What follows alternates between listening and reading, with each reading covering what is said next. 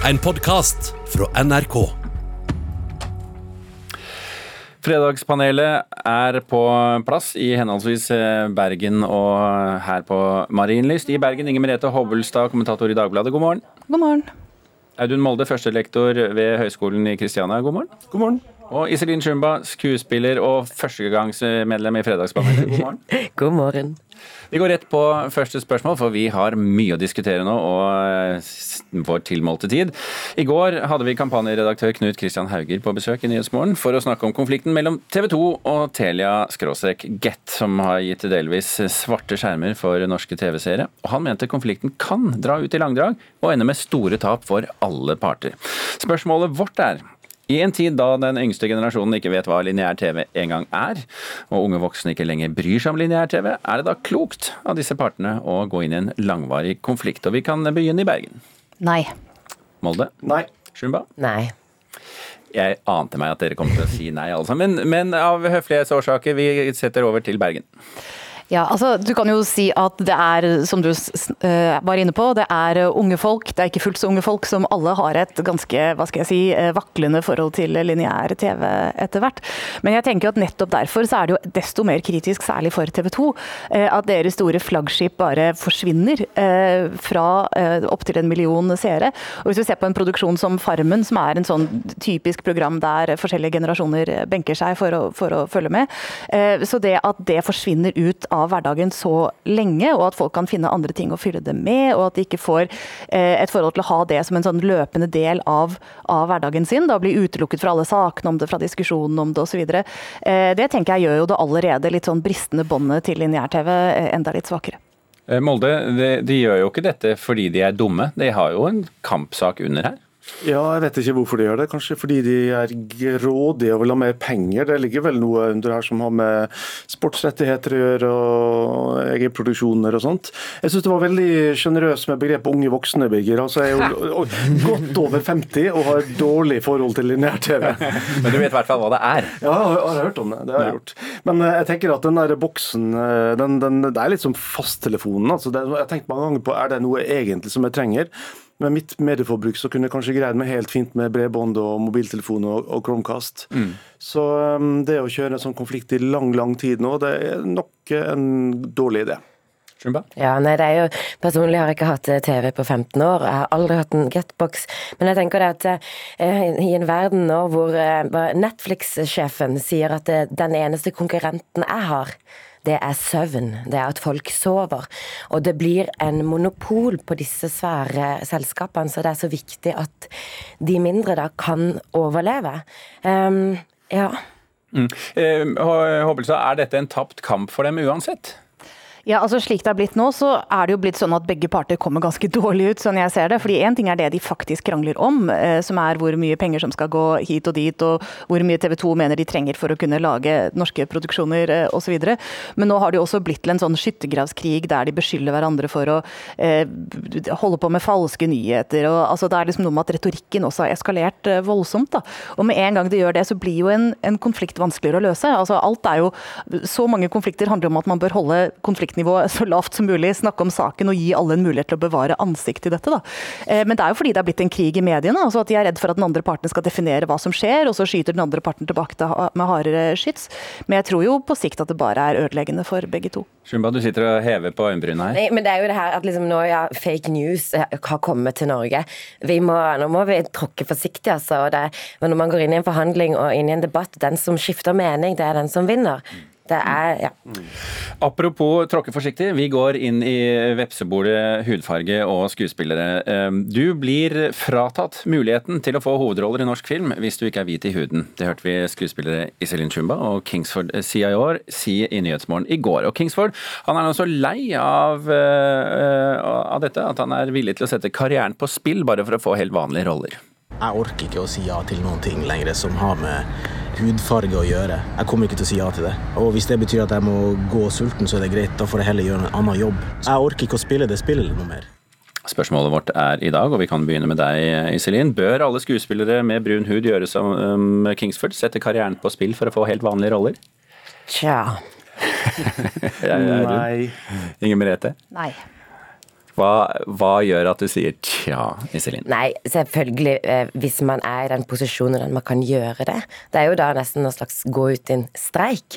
Eh, så selvfølgelig, men det er samtidig vi er så svakt representert at eh, da er det sånn ok, hvis ikke dere vil, så hva er det dere gnåler om? Men selvfølgelig, jeg tenker at de som er i den posisjonen som Kings var der, som er en svært ettertraktet skuespiller, og at han gjør det, og offentliggjør det, og, og, lærer oss da å forhandle og det å si nei, og at nei, jeg tar ikke de stereotypiske rollene eh, kun pga. fargen min, det er kjempeviktig. Så jeg, jeg, vil gjerne si egentlig Jeg vil gjerne si ja. Du skulle ønske men, at verden er god, det er i bunn og grunn det du sier? Ja, jeg skulle ønske Det tror jeg, jeg håper ja, mm, at alle ønsker. vi, vi, gamlinger, vi vet bedre. Nei, men nei, vi gamlinger vi syns jo det er helt uh, hoderystende ko-ko at det er sånn da, i 2020. At dyktige skuespillere, altså en nordlending og en sørlending, liksom skal sitte og, og må oppleve sånt. Jeg eh, ble helt oppgitt over det. At hudfarge skal være liksom en sånn eh, issue i den bransjen der. Uh, og, og, hvem som må skjerpe seg, det kan sikkert du Iselin lære meg mye mer om enn jeg vet. Er, er det castingfolka, er det manusforfatterne, er det produsentene, er det Filminstituttet? Jeg har ikke peiling, men jeg, men jeg synes det er litt sånn Det er hele røkla, det er hele bransjen. Og liksom, hva skal vi si, jeg prøver, og jeg føler at jeg faktisk er undervurderer Eller sånn, jeg sier ikke hvor ille det egentlig er. Okay. Ja. Du underkommuniserer hvor ille det er? Ja, selv om jeg, jeg, bruker veldig sterke ord. Jeg, sier, jeg kaller det liksom da en Jo, sier en, en uh, kulturell forbrytelse som skjer, men det er jo det. Jeg, jeg er helt i sjokk over at jeg er med på dette. Eh, eh, la meg kaste inn et annet begrep, siden vi har snakket om det. Ja. Og vi kommer tilbake til deg, Inger Merete. Bare sitt tålmodig der borte i Bergen. Eh, vi snakker mye om institusjonalisert rasisme for tiden. Vil du gå så langt? Ja. Inger Merete? Eh, altså, når det gjelder dette spørsmålet om boikott, så er jeg generelt skeptisk til det som, som, virkemiddel. Og ikke minst fordi jeg tenker at det, det, skader jo de det ikke trenger å skade. på en måte. De skaper de som utfører boikotten, som ikke får penger, ikke får roller. Eh, og det skader faktisk publikum, som jeg tenker har godt av å se et så mangfoldig skuespillerensemble som mulig. da. Eh, men at det trengs tiltak her, tenker jeg er, er åpenbart. Og, og, jeg har jo tenkt på det også når jeg har sett norsk film de siste årene. altså Det er, det er få hovedroller med minoritetsbakgrunn, men det er også lett å se at de få som er er, er representanter, da, først og fremst. Altså det at de er minoriteter, er en svær del av den rollen i det hele tatt, og, og hva de tenker å gjøre. Så det at en, en, person med minoritetsbakgrunn bare kan være legen, på en måte, eller bare kan være eh, den ene av hovedrollen i en romantisk komedie, eh, altså det, det, å komme litt mer inn på fargeblind casting på den måten, tror jeg vil være en, en, et bra tiltak. Ja, Inger Merete, la meg bare avbryte deg litt. Du er jo en erfaren eh, film- og teateranmelder for for Dagbladet. Eh, og jeg utfordret jo Iselin her til å, til å svare på spørsmålet institusjonalisert rasisme. Vil du gå så langt? Du, jeg syns Altså, jeg har ikke vært på innsiden av bransjen slik som Iselin er. Jeg syns det er litt vanskelig å si. Og det har ikke minst å gjøre faktisk med at jeg syns, som jeg også tenkte å komme til, at teaterbransjen er litt annerledes. Altså hvis du ser på scenene på Nationaltheatret og det norske teatret nå, når de spiller Shakespeare, når de spiller Boccaccios Decameronen, klassiske verk, eh, så ser du at det er et, et, større mangfold da, eh, på scenen enn en før, og der folk nettopp ikke er castet fordi de er Der de kan være en eh, adelsmann i, i Dekameronen eller en, en hertuginne hos Shakespeare. ikke sant? Er det der vi det skal bransje, Unnskyld, Inge Merete, vi har så mye å snakke om her. Eh, Audun, er det, er det, er det scenen vi skal se til, og ikke TV-seriene? Jeg er enig i at det er bedre på scenen, eh, men eh, vi må jo ha dette inn i TV-serien og i filmbransjen òg. Og når det er sånn som Iselin beskriver, så må jo eh, ganske mange skjerpe seg for å endre dette. Vi kan ikke okay. Ok, vi, vi, bytter tema og holder oss i vepsebordet. Denne gangen så skal vi snakke om utseende på en annen måte. En av de store suksessene for oss i NRK for tiden, og mange andre land, det er jo TV-serien Normal People, basert på boken Normal People av Sally Rooney. Og I den boken så fremstilles den ene hovedpersonen, Marianne, som en emosjonelt ødelagt og ikke spesielt eh, pen eh, jente. Men i filmen så er hun jo helt eh, vidunderlig søt, og det har opprørt mange, og det er skrevet en rekke artikler om det, blant annet av en av ukens panelister, Inger Merete Hobbelstad. Så vi spør, slik hun gjorde i Dagbladet i helgen, er skuespilleren simpelthen for pen for den rollen hun spiller? Og du kan jo svare først, Inger Merete. Eh, Jeg skal si både ja og nei, som vel er det jeg i, eh, i kommentarene. Audun? Nei. Iselin? Eh, nei, men man har lov, Inger Merete, når, når, når saken gjelder seg selv. Når det er du som har skapt saken, så er det lov å si ja, og nei og tja. Ja, det, Du sa vel tja i stad, du også? Ja, men det er det jeg sier, det er det lov. ja, ja, ja, ok. ja, ja, ja. Men eh, Iselin, eh, eh, hva sa du? Ja eller nei Altså, på? jeg sa eh, om jeg får pen. Nei, sa jeg. Nei. Eh, hvor, hva, hvordan belegger du det? Nei, jeg syns jo Hva skal vi si? Pen, stygg. Vet du hva, jeg har aldri i mitt liv sett et stygt menneske. Men hun skal være litt sånn ufordelaktig da, i forhold, i forhold til boken, ifølge boken. Ja, eh, og det er, det er en utrolig viktig samtale å ta. For det er jo sånn der, eh, eh, si, Det åpner jo opp for det der at man alltid liksom forskjønner og forskjønner fra, fra litteraturen opp i film. Så det er en veldig viktig samtale å ta, men det er jo det der at vi, at vi også sier og gjentar og repeterer oss med at noe er pent og noe er ikke pent. Som sagt, jeg har aldri sett et stygt menneske i mitt liv. Molde. Nei, eh, det er jo et sårbart yrke å være skuespiller, da, for du bruker jo ansiktet ditt og utseendet ditt og kroppen din som en del av verktøyet. sant? Og Noen syns at du har feil hudfarge, og noen syns du er for pen. sant? Det blir, men, men jeg tenker at du, hvis du leser en bok, så får du bilder inn i hodet. Eh, og Du ser hvordan folk er og steder. Så ser du filmen, og så er alt helt annerledes. sant? Det skjer jo igjen og igjen og igjen. da. Og Jeg så Normal People forrige helg, for da var det regnvær, så man kunne se på, eh, på sånne ting. Eh, og jeg syns jo at både Marianne og Connell er kjempebra skuespillere og karakterer. Og, og, og gestalter som usikkerhet og manglende penhet og sånn, det er jo ikke bare med det ytre eh, å gjøre.